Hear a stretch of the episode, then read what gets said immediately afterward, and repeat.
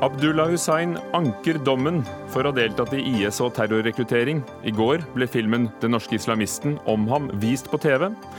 Både dommen og oppmerksomheten kan bidra til at de ekstreme miljøene går under jorden, sier forfatteren av bok om fremmedkrigere.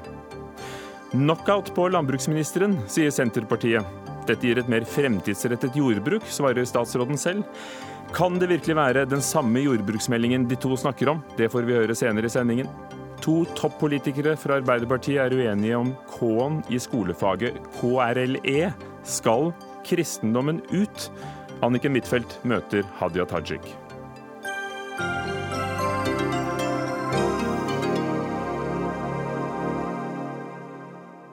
Stikkord i dag er altså terror og tro, men også traktor, tenner og tobakk. Tør du virkelig gå glipp av denne utgaven med Dagsnytt 18 og Ugo Fermariello? I går viste NRK Brennpunkt dokumentaren 'Den norske islamisten'. Islam handler om kjærlighet mellom hverandre. Brorskap mellom hverandre. Og det er svært viktig at vi har samhold. Jeg tror også det er mye av dette her som tiltrekker eh, andre til å oppsøke oss og komme til oss.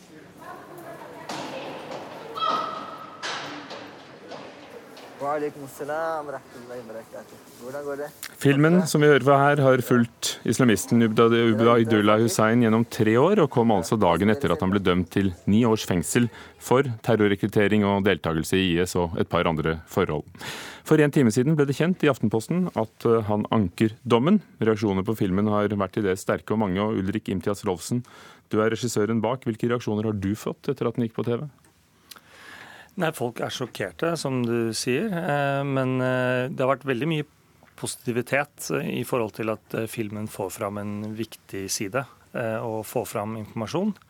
Vi har jo prøvd å lage en film som åpner på en måte et vindu inn i et miljø som er lukket, og peker kameraet inn der og viser fram hva vi ser. Og det, det kan jo være sjokkerende, det. Hva var det som um, overrasket deg mest ved filmen? Jeg ble egentlig mest overrasket over uh, hvor omsorgsfulle og varme de var mot hverandre. Når, uh, når de var uh, blant seg sjæl, holdt jeg på å si, så, så, var det ikke så mye hatprat. Da var det mer koseprat og hygge. det var tydelig at de, de hadde et godt brorskap, og de var som en kompisgjeng. og det virker som at, at de fikk mer og på de samhold og varme i det miljøet enn kanskje det miljøet de har kommet fra. da. Hvorfor vil du vise denne skal vi si, mer menneskelige siden enn det harde ytre som, som de viser frem når de lar seg intervjue, f.eks.? Ja, det er tydelig det at når, de, når, når det kommer noen kameralinser fra de andre mediene, da, så setter de på en sånn maske med sånn tøffhet og islamisme og, og hatprat, eh, som, som, blir borte med en gang du slår av de kameraene. Eh, og jeg ønsket jo å vise dem som mennesker fordi de er mennesker. Og jeg tror det er viktig å behandle mennesker som mennesker. Det er først da vi kan få dialog med dem. Det er først da vi kan eh, Skal vi slå dem i hodet med noe hardt og si at du er pervers, eller du er et dyr, eller du er ikke menneskelig, så, så tror jeg ikke vi løser problemene. Og de utfordringene vi har i samfunnet, de er her. Så vi kan ikke stikke huet i sanda og, og late som de ikke er her. Erlend Ofte Arntzen, du er forfatter av boken 'Fremmedkrigere' og også journalist i, i, VG. Boken din som kom ut i fjor handler jo nettopp om miljøet i Lisleby i Fredrikstad og rekrutteringen til terrorgruppen IS. Hvilket bilde syns du filmen gir av Hussein? Nei, Den tegner jo et bilde av den hva skal jeg si, den edderkopprollen som jeg også har forsøkt å, å beskrive. Eh, samtidig som at eh, Eh, jeg tenker at det er viktig også å se at dette er et samspill mellom Ubaidullah, har vært et samspill mellom Ubaidullah Hussein og de som han har eh, rekruttert i ett tilfelle, men også tilrettelagt reise for i for andre tilfeller. Eh, jeg tror det blir feil å snakke om en form for, for hjernevaskelse, men, men, han er en, en sånn type first mover, eller en første beveger, som ofte får ting i gang. Hva gjør all denne oppmerksomheten med miljøet, tror du? Altså, du, du har en dom på ni års fengsel. Eh, det er også en 18-åring som blir dømt i, i, saken. Eh, en langt mildere straff. Men, men hva gjør det med miljøene du har undersøkt? Jeg tror at de over lang tid, det har vært flere straffesaker også for denne, at de har i mindre og mindre grad valgt å oppsøke offentlighet og i større og større grad søkt under jorda og søkt mer, uformelle Eh, måter å samles på. Eh, fordi at nettopp det profetens Umma gjorde, det var å bli trekkplasser for både mediene og politiets søkelys. Eh, og mange vil nok mene, også i disse miljøene, at Ubadullah har vært svært naiv med å tiltrekke seg all denne form for oppmerksomheten og måten han har opptrådt på i avlyttede telefonsamtaler og med mobiltelefoner med fremmedkrigere både i, i Syria og som har kommet hjem til Norge. Ulrik Imtias Rolfsen, mener du at en dom som den som kom eh, i tingretten eh, i uke, eh, denne uken, er, er, for hard? Er det det du mener er å slå dem i hodet med noe hardt, som du sa? Nei, det ser jeg ikke i det hele tatt. Jeg vil ikke kommentere dommen, egentlig. Den dommen har jo kommet som resultat av en lang rettssak hvor en mengde jurister har kommet med masse påstander, og en dommer har dømt. Dommere har dømt. Det er ikke jeg i stand til å å mene noe om, egentlig. Det, det er så komplekst. Jeg er opptatt av å få fram informasjon. Politiet og domstolene har én rolle. De skal eh, si, tiltale og dømme folk. Eh, vi som lager film, vi skal opplyse folk.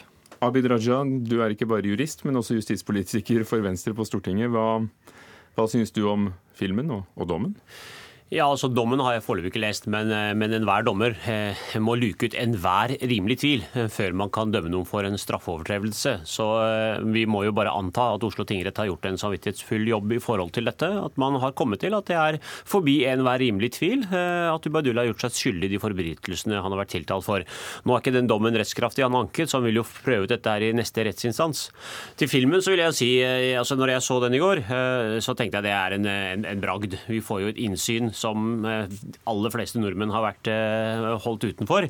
Men jeg, ser, jeg hører Ulrik si at han har forsøkt å tegne mennesket. og eh, Det var sikkert et godt forsøk, men jeg er veldig glad for at han ikke klarte å tegne et noe bedre menneske. I hvert fall når jeg satte igjen inntrykk det Jeg tror kanskje de fleste har sittet igjen med inntrykket er at dette her er jo ikke akkurat et, et godt menneske. Det er jo en samfunnsfiende og ganske utspekulert. De kan helt sikkert ha veldig mye koselig prat seg imellom, men samtidig så har han jo vært en ekstrem manipulator kultur. Eh, Tom Alexander Carlsen, som vi møter i filmen, eh, den etniske nordmannen som sier han, er, han har vært litt, for, litt forvirra i livet, på jakt etter mening med livet osv.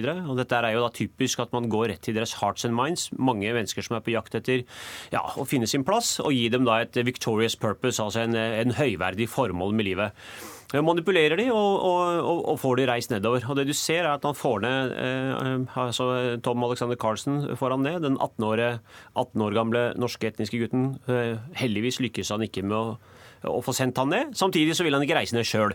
Så eh, heldigvis får vi ikke noe veldig godt bilde av Ubadullah. Eh, det, finnes, det fantes sikkert et veldig godt menneske i han når han var barn, men det gode i han, den tror jeg har forsvunnet for lengst. 18-åringen ble arrestert på Landtvetter flyplass, som eh, mange kanskje husker fra nyhetene. Og PST gikk jo inn og beslagla mange av opptakene til filmen, som førte til at mange av deltakerne i filmen trakk samtykket sitt. Eh, men Høyesterett ga ikke Politiets sikkerhetstjeneste tillatelse til å bruke disse eh, opptakene i, i, i rettssaken. Og denne lovgivningen dømmes for. Det er jo den første dommen etter loven for terrormedvirkning. Hvilke tanker gjør det deg om at dette er helt nytt territorium, hvor, hvor tydeligvis både PST og dommerne er ute i et landskap de ikke kjenner? Altså, Vi er nå overfor en ny virkelighet, og hele Europa står overfor en ny virkelighet. Det vokser opp eh, eh, blant oss borgere som er født og oppvokst i våre egne nasjoner, som er villige til å bruke våpen eh, for å drepe ja, sine egne lands borgere. Ramme institusjoner. Det har vi sett i Frankrike, Brussel, vi har sett det i England, og vi kommer til å se det i mange andre land hvor de er villige til å ty eh, til våpen for å ramme egen befolkning. Og Samtidig som de velger å bo her, samtidig som de velger å bruke ytringsfriheten, altså religionsfriheten, alle rettighetene de får, samtidig så ønsker å ramme oss. Og Da må vi utstyre politiet og PST med de virkemidlene som det moderne våpen de eh, nå er, til å klare å bekjempe det, slik at de ikke lykkes eh, med å nettopp slå mot samfunnet. For politikernes hovedoppgave er og må fortsette å være å borge for eh, individenes eh, sikkerhet. Paradokset her, Olsen, er at eh, din hovedperson i, i filmen ikke selv ønsker å, å delta i, i, jihad fordi han mener han er en legeerklæring. Det, det, er jo ganske sammensatt, denne, eh, denne gløden. Ja, eh, Det var jo et paradoks for meg også å, å høre han prate om jihad, og, men han reiste jo ikke selv, så jeg måtte jo, måtte jo spørre. Eh, jeg tenker at det er viktig at vi eh, Jeg er enig i at, eh, at man skal ta hardt på kriminalitet, men, eh, men dette, er, dette, er, en utfordring i samfunnet vårt. Og jeg tror på å ikke demonisere disse folka, og ikke dytte dem enda lenger bort. For da tror jeg også, som blir sagt på NR, jeg tror at da, da går de mer under, under jorden. Men kriminalitet og brudd på loven, det skal, skal tas. Så man må gå an av to tanker i hodet samtidig. og prøve å, å hjelpe folk til å, å, å, få en lojalitetsfølelse til denne nasjonen. Samtidig som vi skal eh, ta de som bryter loven. Men skal ikke tas ved å bruke filmer beslaglagt fra, fra deg? Nei, men den, det, det, er på en måte over og ut. Det, det har Høyesterett slått fast at det får ikke politiet lov til. De, de prøvde seg, men det, i all rettferdighet så var loven veldig svak. Så de de gikk etter meg etter det de mente de kunne. Og så slo Høyesterett fast at det, det, kunne de ikke. Og det viser seg jo at de hadde jo nok beviser til å få han dømt uten å bruke filmen. Erlend Ofte Arntzen, er det en fare for at disse miljøene, hvis de går mer under jorden, vil, at det øker rekrutteringen, eller, eller vil det faktisk begrense tilfanget? fordi da, da vil det være mindre på plasser og torg og studentsamfunn, som det en gang var et møte i? Jeg er vel heller vel til å tro at det vil bli mindre den type altså Jeg tror ikke vanskelig for å se for meg at i, i denne generasjonen islamister kan si, at vi vil se denne typer som Ubaydullah opptre så offentlig, når det fikk eh, så store konsekvenser for ham som ni års fengsel.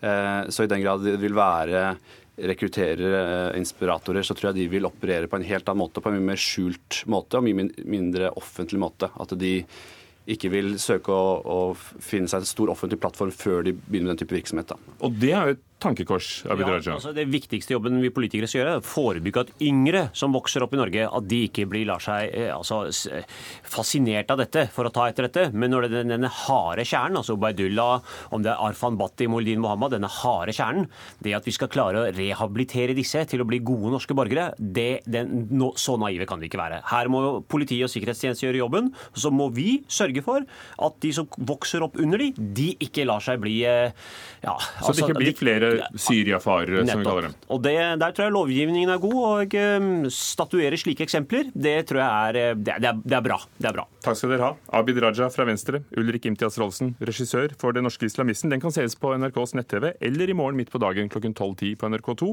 Og takk til deg, Erlend Ofte Arntzen, forfatter av boken 'Fremmedkrigere' og VG-journalist.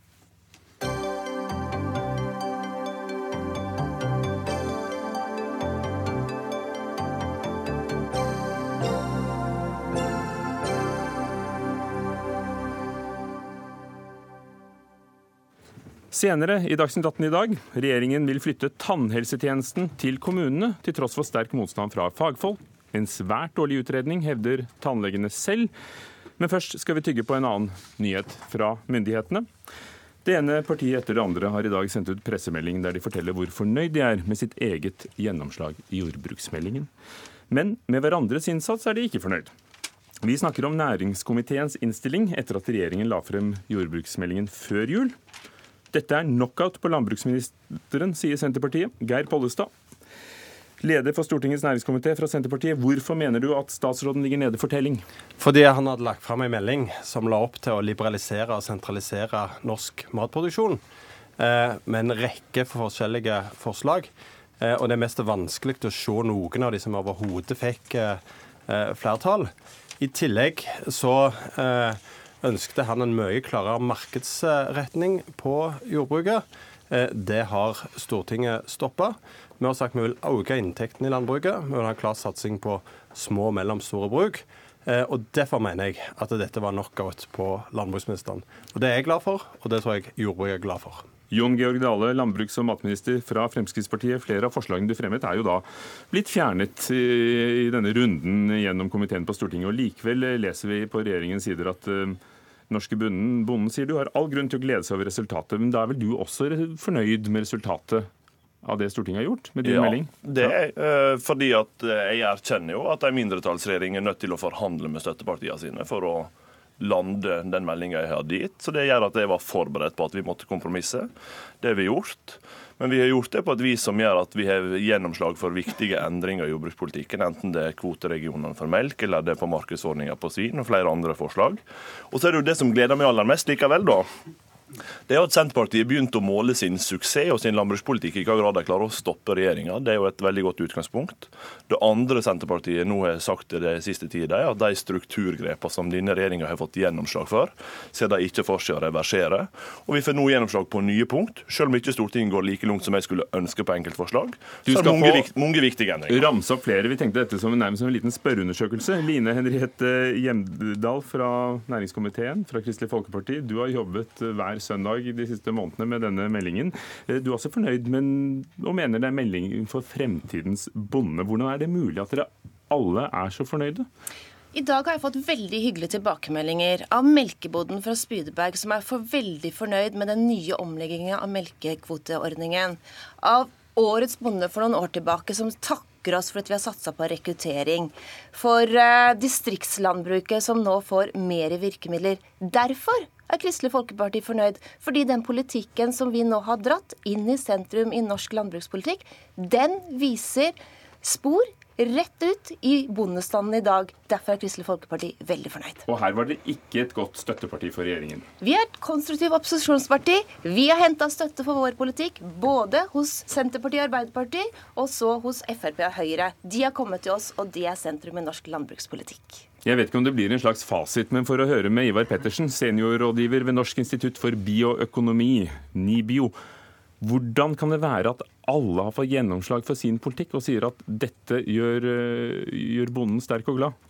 Det høres ut som en veldig hyggelig situasjon. Alle er fornøyd. Ehm, jeg tror dette kan skyldes tre ting. Eh, for det første så er, eh, så er landbrukspolitikken veldig sammensatt. Det er veldig mange virkemidler. Vi bruker 20-30 milliarder i året på virkemiddelbruk. Komplisert importvern, og det er mye å ta av. Så det skulle egentlig godt gjøres om ingen fant uh, ting de kunne trykke til sitt bryst og, og skryte av. Det andre er nok at noen uh, inntektsfører med bred penn her. Uh, det er kanskje lettest å, å, rette oppmerksomheten mot landbruksministeren, som sier at gjennomslaget for produksjonsambisjonen, økt produksjon, det er noe han inntektsfører. Dette kom jo med Lars Peder Brekk, en kraftig omlegging av politikken. Tydelig, veldig tydelig ambisjon i meldinga 2011-2012. Uh, og det har aldri vært noe parti som har vært imot dette her. Altså, dette er så åpne dører som det går an å få til. Uh, det samme gjelder nok uh, et av punktene som dreier seg om omlegginga av markedsreguleringen på svin. Da er vi inne i noen detaljer, men det har heller aldri vært noe stor diskusjon om omlegging til det som kalles en volummodell. Dette skyldes WTO-avtalen og de restriksjonene Norge står overfor internasjonalt. Det er mange detaljer, vi kan ikke snakke om alle. Men, men for å ta det, da. Reguleringen av svinemarkedet. Hva, hva betyr den ene omleggingen, f.eks.? Ja, den, den, betyr jo overhodet ikke at, uh, at ministeren har fått gjennomslag for Frp-politikken om å svekke rollen til landbrukssamvirket i markedsreguleringen. Den betyr bare at eh, prisene settes eh, på noe annen måte, faktisk litt større spillerom for landbrukssamvirket når det gjelder å sette prisutviklingen, bestemme prisutviklingen på disse svineproduktene. Så, og, og, dette skyldes at vi står overfor noen internasjonale restriksjoner som vi må tilpasse oss. Men du savner noen store spørsmål? Det er noen store spørsmål som, som uh, ligger der. Og denne regjeringen startet jo med en klar ambisjon om å svekke avhengigheten av importvernet. Eh, det er overhodet ikke svekket i denne perioden. Jeg tror prisutviklingen f.eks. på meieriprodukter i Norge sammenlignet med EU, den viser at vi får økende gap. Altså vi må ha toll for vi at vi fortsatt skal kjøpe norsk? Vi er enda mer avhengig av toll. Vi er mer avhengig av eh, statsstøtte til landbruket enn vi var, mens det i erklæringen fra regjeringspartiene sto at bare vi fikk realisert produktivitetsveksten i landbruket, som politikken la opp til, så skulle vi redusere tilskuddene. Det er ikke blitt noen reduksjon i de tilskuddene. Og så klima og jordbruk. Ehm, jeg vet ikke hvordan man skal tolke det som er kommet fra Stortinget i dag. Men det står at man skal se annerledes på karbonutslipp fra jordbruk og uh, f.eks. fra fossil, bruk av fossil uh, energi. Hva betyr det?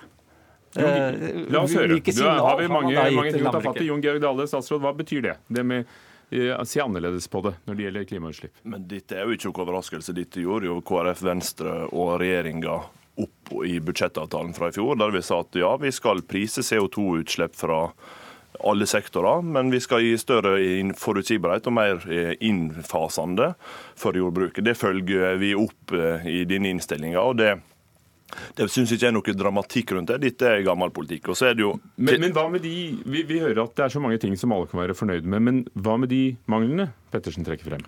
Jo, men eh, det er sikkert greit for en forsker fra NIBI å ha et utgangspunkt som ikke stemmer overens med den politiske virkeligheten. Men vi har altså gjennom disse fire åra eh, bidratt til at inntektene i jordbruket har økt betydelig, men det er ikke gjort det som følge av økte subsidier. Gjennomgående så har jeg jo fått kritikk hele min periode som landbruksminister for at de ikke økte subsidiene nok. Så der har jo forskninga et helt annet utgangspunkt enn Senterpartiet og andre partier vil ha. Sånn det er jo greit å huske at i en politisk kontekst som jeg må operere i, så er det viktig å sørge for en balanse. Det har vi gjort. Når vi nå får gjennomslag for endringer i markedsordninga på svin, utkjøpsordning på geitemelk Men ikke nå... på de andre? Nei, det, det, men det er korrekt. Det erkjenner jo jeg hva tid som helst. Når det gjelder muligheter for å nå ta vekk økomålet på 15% så gjør at vi kan ha en mer markedsorientert økologisk produksjon. Når vi får styrka utmarksbeitebruken vår, som vi har lagt opp til, som jeg la mye ting. Det og når vi får på plass nye kvoteregioner for melk. Så i sum så bidrar altså dette, denne stortingsmeldinga og den innstillingen som kommer nå, til å drage oss ytterligere i den retning jeg foreslo, utover der vi allerede var. Og der eh, Geir Pollestad vinner gjennom, så får han oss tilbake igjen der vi allerede er per i dag. Geir Pollestad. Ja, jeg må si, Når jeg hører på landbruksministeren nå, så minner han litt om fotballtreneren som har tapt 10-1 eh, og skryter over eh, gode corner og et par fine innkast. Fordi at på punkt etter punkt så går regjeringa på en smell. Dale trekker fram økomålet.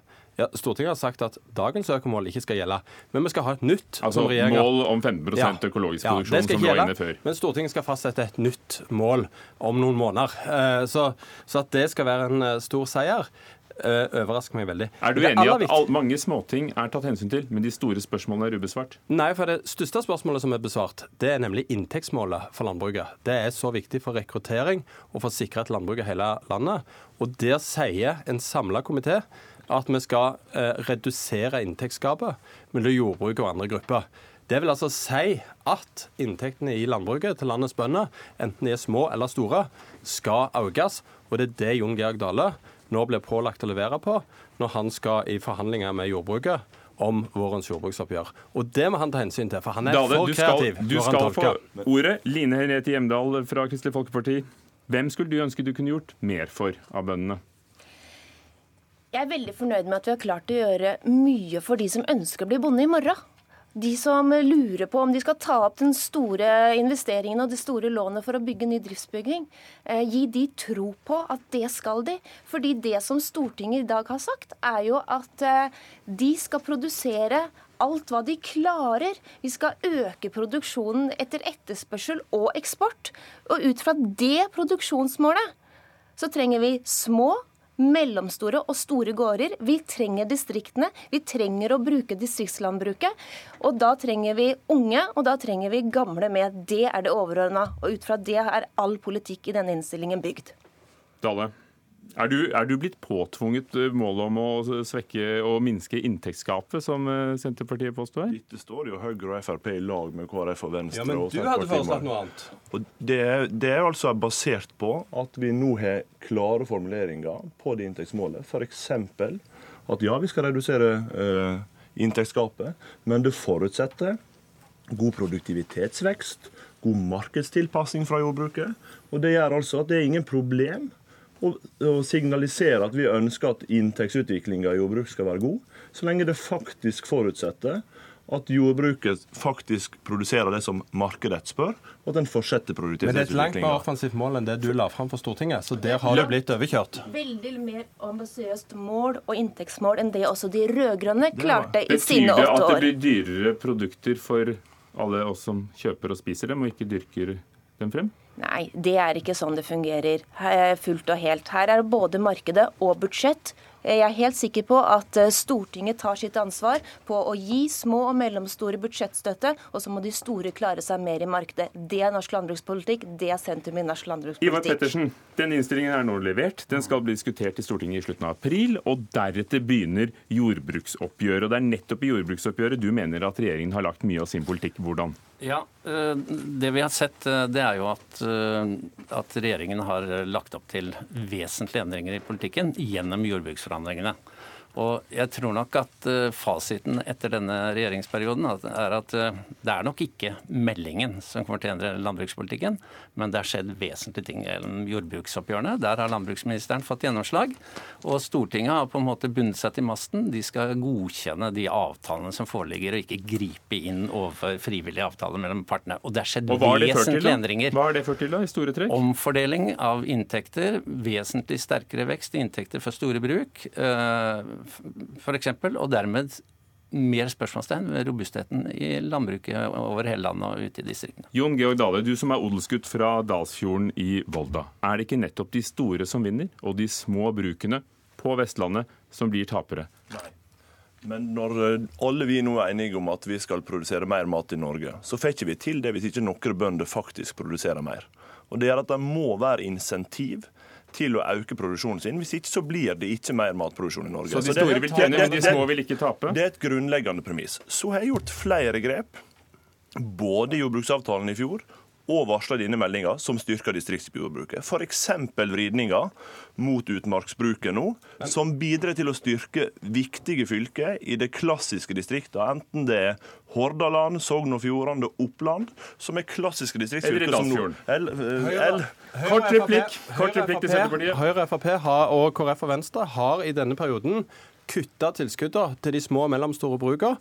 Nå kommer det en melding som gjør at den politikken må rettes opp i, og det er jeg svært glad for. Stortinget har i dag sagt at uh, hovedlinjene ligger fast i norsk landbrukspolitikk. Det skal satses på mer matproduksjon. Vi skal ta distriktene i bruk. Vi skal øke investeringer til ryggraden i norsk landbrukspolitikk. Og så er de oppgjørene. Der er det finjusteringene. Det skal faglagene og staten gjøre. Og den enigheten skal de klare å bli enige om i løpet av mai måned. Ja eller nei, er det kuttet eller ikke til de små, som Senterpartiet påsto? Inntektsutvikling også for de små er bedre når jeg er landbruksminister enn når Senterpartiet var landbruksminister. Det kutter i tilskudd, da. Statsråd Jon Georg Dale.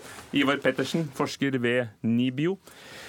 Takk også til Geir Pollestad fra Senterpartiet og Line Henriette Hjemdal fra Kristelig Folkeparti. Magnus Takvam, vår politiske kommentator, har eh, sittet i kulissene og lyttet. Eh, det var jo mye å, å gripe fatt i, men hva er det viktigste gjennomslaget landbruksministeren har fått? Ja, aller først så kan vi kanskje slå fast at uh, jeg er enig med det som ble sagt her, at det er i de årlige jordbruksforhandlingene at man har fått uh, endret politikken aller mest. Så en slik melding uh, vil først vise seg effekten av når, når oppgjøret kommer.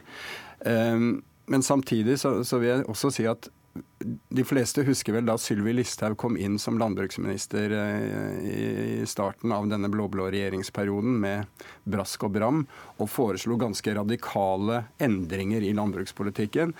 Med heving av produksjonstilskuddet, ikke noe tak lenger osv. Så sånn. Med, med bråk og brudd. Begge, begge bondeorganisasjonene brøt, og Stortinget måtte etterpå plusse på eh, tilbudet fra staten osv. Siden den gang har eh, landbruksministeren fra eh, Frp på en måte delvis tilpasset seg det politiske flertallet og sentrum. og det, det er jo også på en måte denne denne meldinga et uttrykk for. Men han hadde ikke tilpasset seg mer og meldingen sin mer enn at, at de har forandret ganske mye på den. Hva, hva, har de andre på Stortinget fått gjennomslag for? Nei, altså, det første du spurte om, var jo dette, det viktigste gjennomslaget hans. Og det er dette med kvoteregioner for melk, som er et veldig viktig virkemiddel for å ha en eh, desentralisert produksjon av melk i hele, hele Norge. Der har han fått et, gått et skritt i sin retning. Han ville ha ti regioner. Det ble 14 mot dagens 18.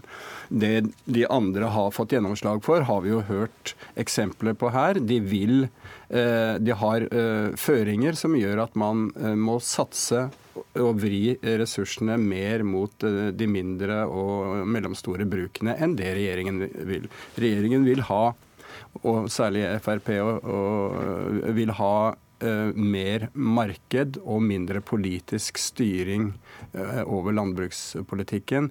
Her har sentrumspartiene uh, reversert en god del av det. Mm. Vi hørte jo litt om hva Dale mener har gått bra i landbrukspolitikken som han fører. Mm. Hvordan vurderer du hans egen vurdering?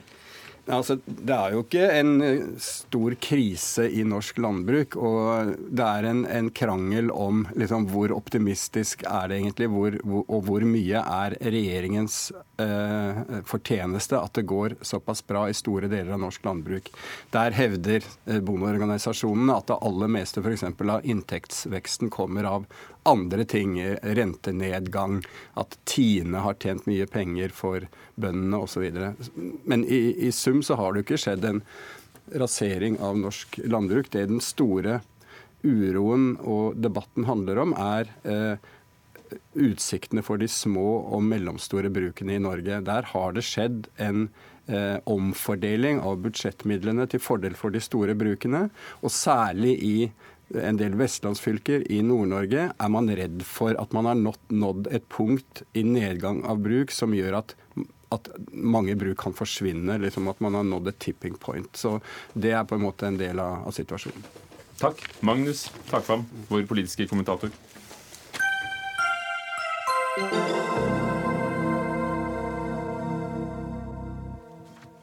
I går ble kommune- og regionreformen lagt frem og det møter motbør på flere punkter. Men dette gjelder spesielt at ansvaret for tannhelsen skal tilbake til kommunene. Ifølge kommunenes interesseorganisasjon KS er det ingen kommuner som ønsker dette. I dag er det fylkeskommunen som har dette ansvaret, og motstanden er også sterk blant tannlegene. Camilla Hansen Steinum, president i Den norske tannlegeforening. Hvorfor er dere så skeptiske til at kommunene skal overta tannhelsetjenesten?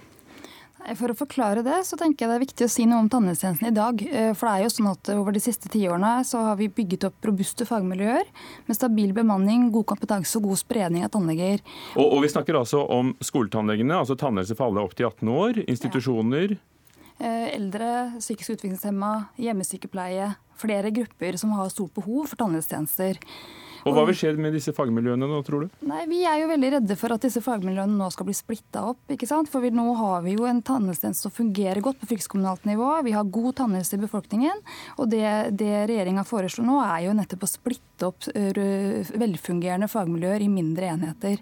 Eh, og det bekymrer oss. Eh, vi bekymrer oss for tannhelsa til pasientene.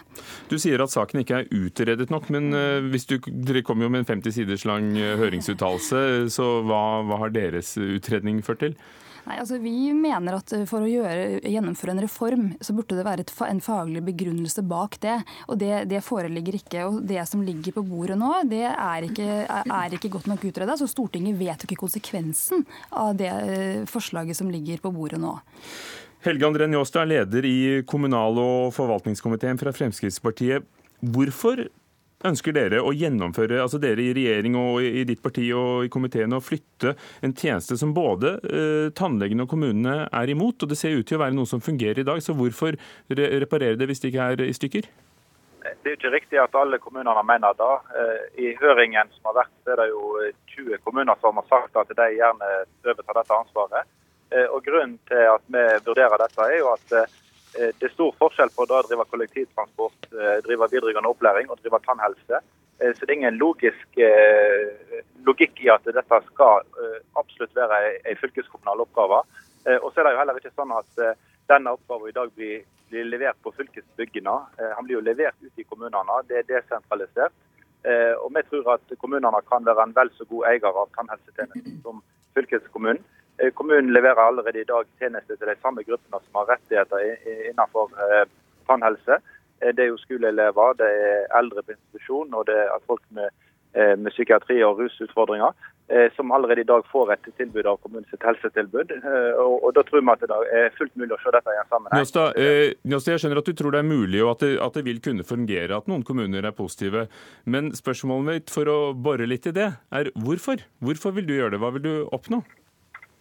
Eh, vi vil jo oppnå at vi kan se eh, tjenestene litt i sammenheng. Vi vet at kommunene har ansvar innenfor store deler av helsetilbudet i dag. Eh, og Tannhelse er en viktig del av helsetilbudet. og Det er mer naturlig at det blir sett i sammenheng med det ordinære tilbudet som kommunene gjør. Og så er det jo også sånn at Vi vil skape enda sterkere kommuner. Vi vil stille større krav til kompetanse i kommunene i framtida. Det gjør vi gjennom flere meldinger og flere forventninger. Og Da tror vi at tannhelse vil være en viktig del av det, for at sterke kommuner kan gi enda bedre tilbud til innbyggerne i framtida. Aha, så dette er nok, en, eh, nok, noe å lokke kommunene med for å slå seg sammen? Er det det? Og samtidig så vil jo ikke dere egentlig ha fylker i det hele tatt, så da slipper de å få den oppgaven? Nei, men nå forutsetter Det er riktig at vi ikke vil ha fylke som prinsipp, eh, men vi har ikke flertall i Stortinget for å klare oss kun med kommuner og stat. Eh, men vi har ikke tenkt å legge oppgaver til fylkeskommunen bare for at fylkestingene skal ha noe å gjøre på. Vi skal legge alle oppgavene til det nivået der de kan gi aller best eh, tilbud til innbyggerne. og Det er jo hele bakgrunnen for kommunereformen. Det er ikke et mål i seg selv å ha færre kommuner. Det er et mål i seg selv å ha bedre kommuner som leverer bedre tjenester til innbyggerne. Eh, og Da handler det om å gi kommunene flere oppgaver, sånn at de kan se ting under ett eh, og skape gode, gode, solide fagmiljø for å levere gode tjenester til innbyggerne. Gunn Marit Helgesen, styreleder i kommunenes interesseorganisasjon KS. 20 kommuner har svart positivt i høringsuttalelsene, hører vi. og og Argumentet er jo da at de leverer allerede helsetjenester til befolkningen, og da kunne det gjøres under ett.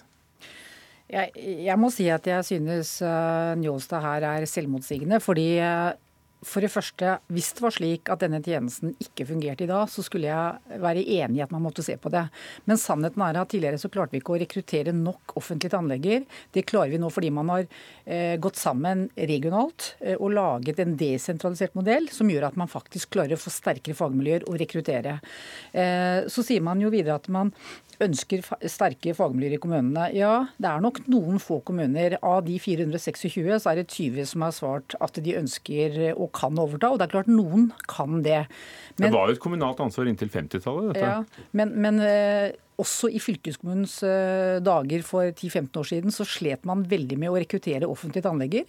Eh, og så har man gjort betydelig grep, fått en god tannhelsetjeneste som innbyggerne og brukerne er fornøyd med. Eh, og Paradokset er jo at eh, noe av målet med meldingen altså kommunereformen er jo færre IKS-er. Dette vil, vil, nødt til å føre til flere interkommunale selskaper, IKS-er. Eh, de, den blir, vil bli dyrere. Det står jo også i meldingen at dette kan bli dyrere. Og hvorfor, hvorfor skal vi ha en dyrere tjeneste enn vi trenger? Vi har jo nok å bruke penger på av andre velferdstjenester. Man vil sannsynligvis svekke fagmiljøene. så det er på en måte ikke et eneste godt argument for å gjøre endringen. Og det er da, eh, det er da jeg stusser, fordi jeg er villig til å være med på endringer. Men det må iallfall være fordi man ønsker å oppnå noe mer enn det vi faktisk har i dag. Jan Jåstad, dette var eh, kommunenes interesseorganisasjon selv som sa? Ja, det er tydelig at eh, KS òg er fylkeskommunenes interesseorganisasjon. For, for, Her argumenterer man jo for å beholde noe på, på et fylkeskommunalt nivå som det eneste tilbudet man leverer innenfor helse, mens alle andre viktige helsetilbud Eh, blir levert av primærkommunen. Men vi eh, argumenterer for å ha en god tjeneste. Ja, og god tjeneste skal vi selvfølgelig levere. Eh, men vi har tillit til at kommunene som leverer veldig mange andre tjenester, òg vil være i stand til å se dette i en sammenheng. Ja, Men det er veldig mange små kommuner som ikke vil klare å gjøre dette alene. De må nødt til å lage interkommunale selskaper for å klare å opprettholde sterke fagmiljøer og få til dette til. Det, det, det finnes mange modeller for små kommuner. De kan kjøpe tjenester hos nabokommunen. Så slipper man interkommunalt samarbeid man kan samarbeide med private. Det er veldig mange, Senest i går så var jo jeg og Gunn-Marit på KS eh, landsting, og flere ordførere var borte hos meg og sa at eh, vi virkelig heier på dette. fordi at da kan vi samarbeide med vår private tannlege, og på den måten bruke kommunens ressurser i lag med den private for å skape et godt fagmiljø. Både for å levere tjenester til den private delen av befolkningen og de som det offentlige har ansvaret for. Så Her er det mange kommuner som ser muligheter til å skape sterke fagmiljø. Jeg har stor tro på at norske kommuner kan eh, levere en bedre tjeneste enn det som er i dag. Og Jeg er helt enig i at tjenesten i dag er god, men det i seg selv er ikke et godt nok argument for å beholde det på fylkeskommunen. Eh, hvis vi kan få det enda bedre med å levere det til kommunene. La oss, la oss høre et øyeblikk med, med tannlegene selv. Camilla Hansen Steinum som president i Tannlegeforeningen. Eh, det er da et poeng at uh, helsetjenestene leveres av kommunen. Dette ville være en til. Og, og, akkurat som da fylkestingene hadde slet med å rekruttere dere, så laget man nye samarbeid. Kan ikke kommunene bare fortsette dette samarbeidet og dele på regningen? Uh, jo, altså Kommunene leverer jo helsetjenester, men vi har jo sett og i flere utredninger som er gjort tidligere, at man har landa på regionalt nivå nettopp pga. det uh, som vi snakker om nå, det med store, robuste fagmiljøer. Og Man skal ikke glemme at det er over 60, opp mot 70 kommuner som faktisk ikke har egen tannklinikk engang i dag. Og Jeg hører at Njåstad nå åpner for interkommunalt samarbeid og også kjøp av tjenester fra private. og Det er vel og bra, men jeg tror ikke man får til den samhandlinga som han snakker om, som nettopp de mener er grunnen til å flytte, ved å gjøre det. Vi tror at det vil vil svekke den offentlige tannhelsetjenesten og tilbudet til pasientene. Men Vil det bli mindre attraktivt å, å jobbe der, tror du? Ja, det tror jeg, for det er det gjort mange undersøkelser på. Det er vanskelig å skaffe fagpersoner til små miljøer. og Det er jo nettopp derfor fylkeskommunene har sentralisert og lagd store, robuste miljøer. Så skal man ikke glemme at tannhelsetjenestene er en, en, økonomisk altså, altså Det koster mye penger å drive Tre milliarder i året omtrent. Ja, og, og, skal man drive og splitte opp det på mange små administrasjoner, så kommer det til å koste penger. Det kommer til å bli dyrere å drive, og det blir mindre penger til helsetjenester til pasientene. Men fra KS sin side, kan ikke disse samarbeidene fortsette som i dag? Akkurat som fylkene gikk sammen og lagde større enheter for å gjøre det attraktivt. Kan ikke kommunene bare overta det? Jo, men Hvorfor skal vi gjøre en tjeneste dyrere enn nødvendig? Hvorfor skal vi svekke fagmiljøer som faktisk fungerer? Og hvorfor skal vi endre på noe som faktisk fungerer veldig bra? Det er jo det som er spørsmålet. Eh, og så er jeg, jeg er villig til å diskutere løsninger hvis det gir en bedre tjeneste. Men jeg tror dette er å spille hasard med noe som fungerer veldig bra. og det er tross alt... Njåstad, de tror ikke det blir bedre. Jo, jeg, jeg, jeg, hører hva de sier, men eh, man må huske på at det er ikke bare én tannlege i hver fylkeskommune som er sentralisert. Denne tjenesten er desentralisert i dag, sånn at, at ansvaret blir lagt på det nivået som har ansvaret for helheten. Det er jo logisk at eh, de som har ansvaret for hjemmesykepleien, òg eh, har ansvaret for, for stell av tennene. De som har ansvaret for barnehage, skole, og har ansvaret Så kommunene må, må, selv gå sammen om, om større enheter, hvis de føler at det er det som er riktig, sier du? Ja, eller at man kan slå seg sammen, som 100 kommuner nå har gjort. At kan ha sterkere kommuner for å gi bedre vi må slutte der, også fordi linjen til deg uh, gikk ned. Helge André Njåstad, leder av kommunal- og forvaltningskomiteen, Gunn Marit Helgesen, leder i KS, og Camilla Hansen Steinum, president i Den norske tannlegeforening. Takk for at dere kom.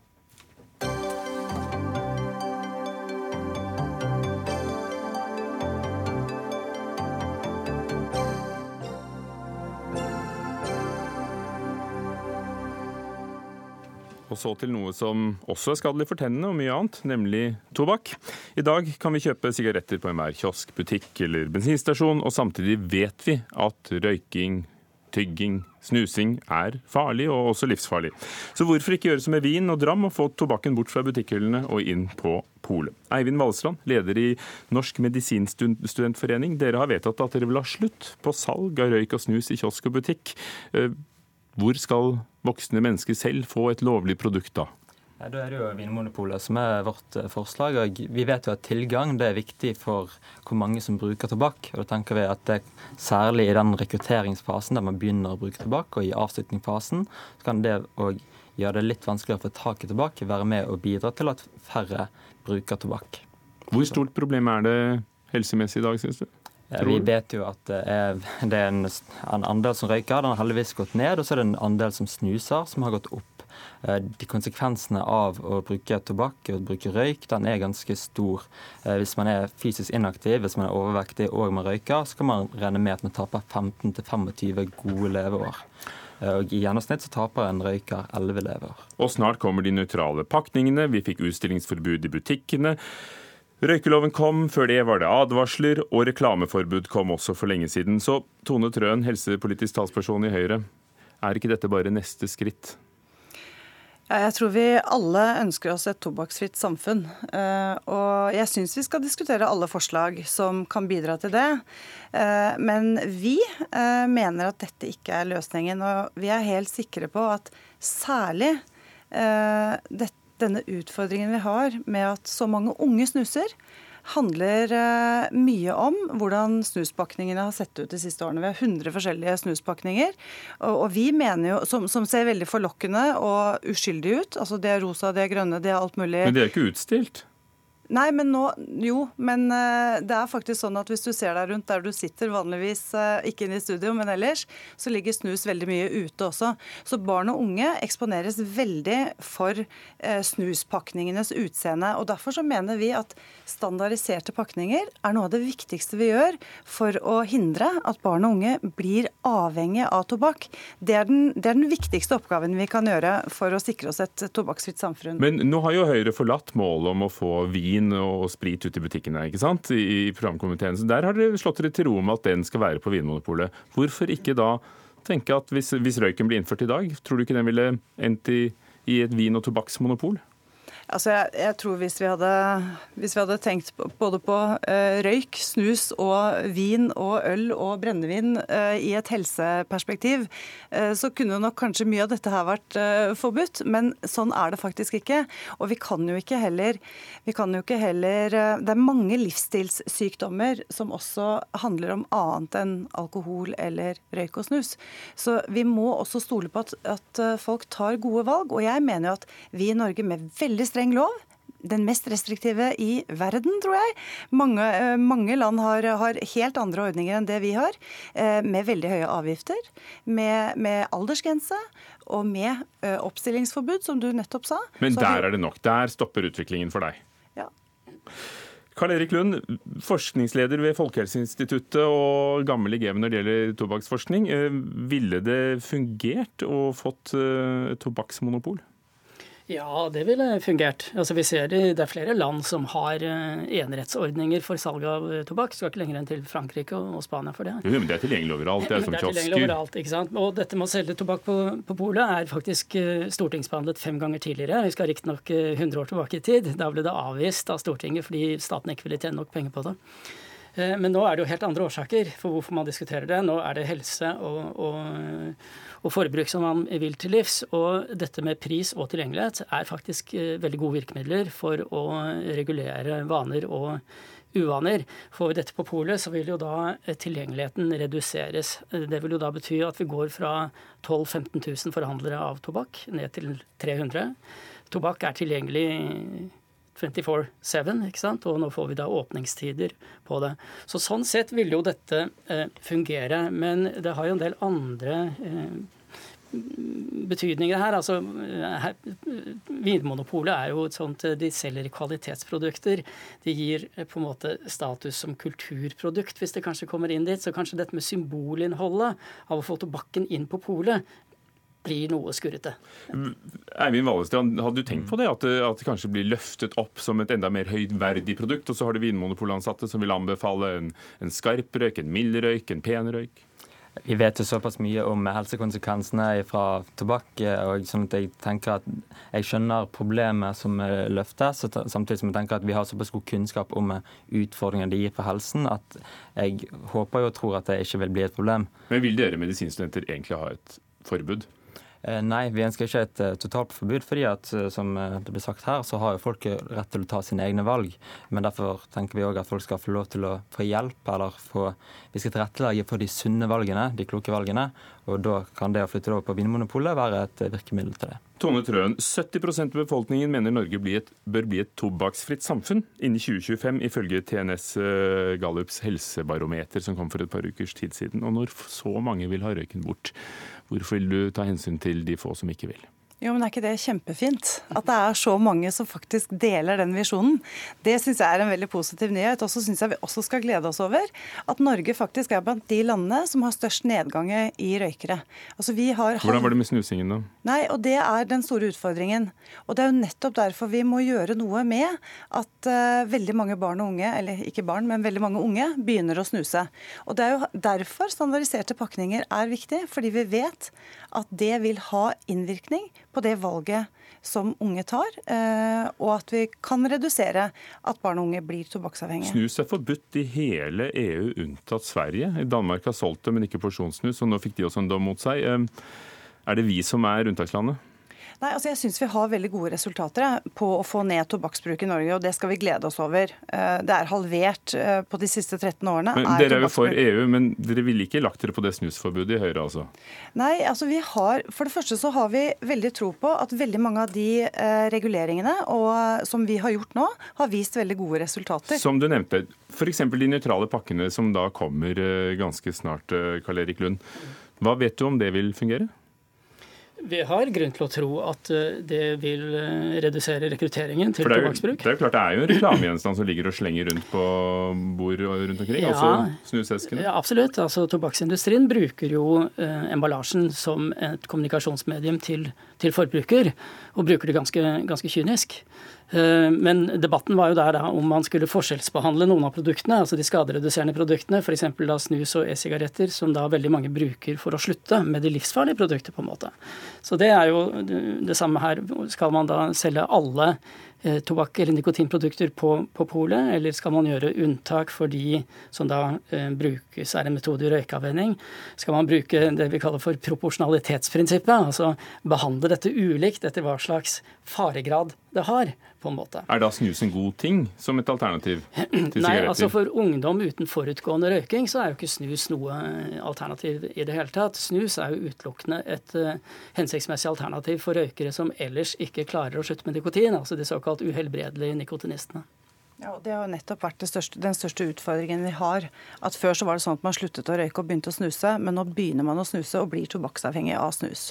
Eivind Valestrand, når du hører politikerne fra Høyre, når du hører forskeren, eh, hvilke tanker gjør du deg om, om fremtiden for medisinstudentenes forslag om å få monopolsalg av tobakk?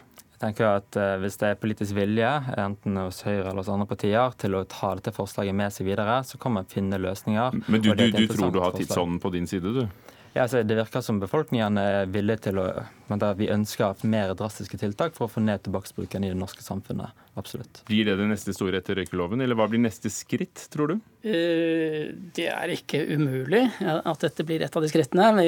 Man er jo inne i det som kalles endgame-fasen for tobakk, og dette kan jo være et tiltak. Dette var endgame for eh, denne debatten. Takk skal dere ha. Karl Erik Lund, forskningsleder ved Folkehelseinstituttet. Eivind Valestrand, leder i Medisinstudentenes forening. Og, han, og Tone Trøen, helsepolitisk talsperson fra Høyre.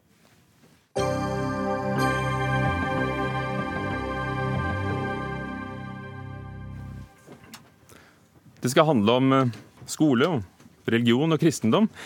Det går mot et flertall for å fjerne K-en i KRLE-faget på Arbeiderpartiets landsmøte, som starter 20.4. Dermed vil trolig partiledelsen lide nederlag i denne saken. Den har i sitt forslag til partiets politikk for de neste fire årene valgt å beholde K-en, som står for kristendom, i religions-, livssyns- og etikkfaget i grunnskolen. Og det er Klassekampen som skriver om dette i dag. Anniken Huitfeldt, stortingsrepresentant og leder av Arbeiderpartiets kvinnenettverk og et sentralstyremedlem i partiet. Du har sammen med AUF reist dette forslaget om å fjerne K-en, som ble innført eh, av denne regjeringen. Hvorfor vil du det? Det handler først og fremst ikke om K-en, fordi at dette faget må jo ha mest eh, om kristendom, på samme måte som historiefaget. Men det er jo det eneste faget i skolen hvor Stortinget har bestemt hvor mye det skal være av én del av faget. 55% kristendom skal det være. Og da mener jeg at eh, vi går for langt i retning av at dette blir et rent kristendomsfag. Og at det blir et mindre religiøst, religionsåpent fag. Husk på det, da, da, da, jeg var ung, så var det veldig mange som hadde fritak fra kristendomsfaget. Og da het det kristendom ganske enkelt? Ja, og så etablerte vi et fag som ble dømt i Den europeiske menneskerettighetsdomstolen, som ikke var inkluderende nok. Og så åpna vi faget og sa at dette skal være et religiøs, religionsåpent fag, hvor kristendommen er en del av det. Men dette faget mener jeg går altfor langt i retning av å være et kristendomsfag hvor én religion får fortrinn. Hjelp oss med historien. Når var det dere åpnet det, som du sier, og når kom K-en inn igjen? Nei, Det var en dom da i Den europeiske menneskerettighetsdomstolen som sa at uh, dette faget er ikke inkluderende nok, her må dere gi fritak.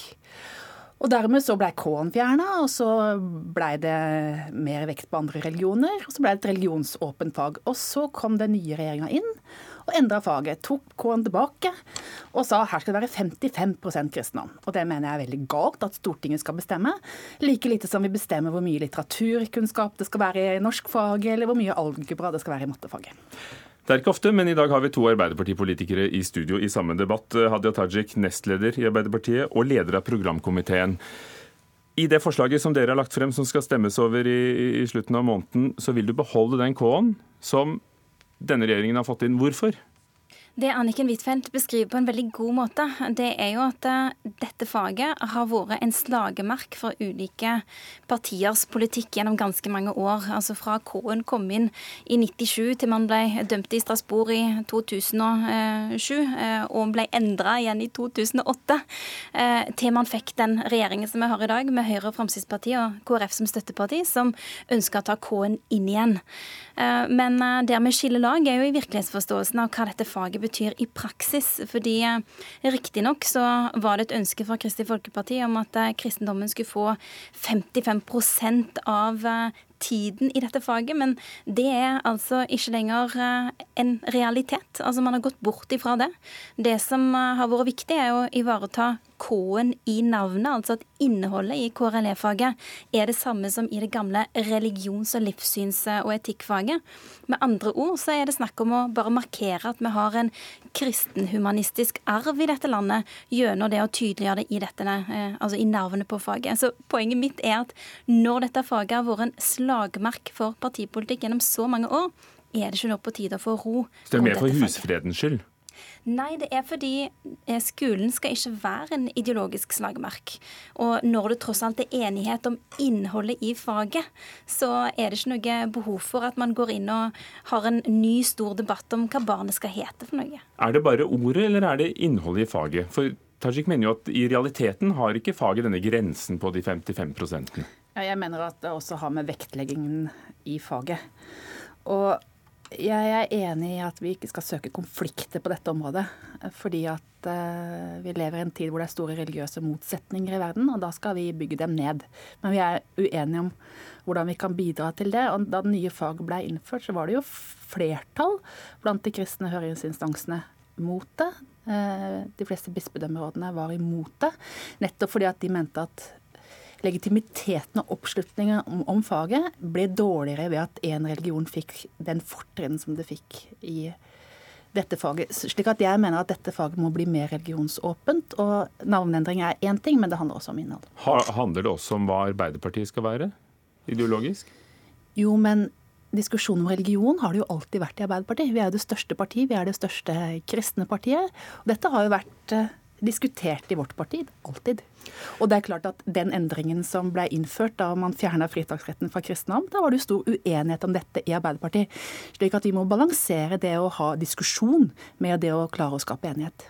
Hadia Tajik, i en tid da, da Den norske kirke skiller lag så godt som med den norske stat, er det ikke også på tide at eh, faget er helt nøytralt? Og det er vel ingen tvil om at Norge har en kristen tradisjon uansett? Altså Faget er nøytralt fordi om det står eh, K i navnet. Altså Det som har vært kontroversielt, det er jo prosentandelen i undervisningen, og det er ikke aktuelt å gjøre noe med. Det er ikke aktuelt at det skal utgjøre 55% av faget, sånn som man har krevd eh, ved tidligere tider fra andre partier. Men det står jo bl.a. i skolens formålsparagraf at eh, man, altså opplæringa skal bygge på grunnleggende verdier, kristen og humanistisk arv og tradisjon. Så det er ikke helt fremmed at kristendommen har en særskilt rolle. At det kommer til uttrykk gjennom lovverk, at det kommer til uttrykk gjennom opplæring. Og det er jo ingen tvil om at kristendommen òg har vært en av de absolutt sterkeste kulturkreftene som har forma det norske samfunnet. Eh, og at det er noe som gjennomsyrer en del institusjoner, en del tradisjoner og en del ritualer i landet vårt. Det er det jo ingen tvil om. Så, så er det ikke da symbolsk uh, unødvendig å ha den, den bokstaven der? Er det ikke symbolsk unødvendig å fjerne den, når det er et faktum at kristendommen har en særskilt rolle i vår historie og i vår samtid? I og det har vært en politisk slagmark. Anniken Huitfeldt. Ja, men nå har vi, som du har vært inne på, ikke lenger en statskirke. Vi skal ha et religionsåpent samfunn. Og jeg mener at det er galt å gi en religion eh, fortrinnsrett på den måten som dette faget representerer. Slik at jeg mener også at det er for mye kristendom sammenlignet med andre religioner i dette faget. Og det tror jeg kan bidra til å svekke oppslutningen om faget, og det er jeg opptatt av. At dette skal være en, en fag hvor man lærer om alle religioner. Og man lærer jo mest om den norske kulturarven, både i dette faget, men ikke minst i historiefaget. Men det er ikke åpent nok for meg. Det er jo ikke sikkert uh, at ditt forslag om å beholde K-en går igjennom. Det kan hende at Anniken Huitfeldt går, går igjennom.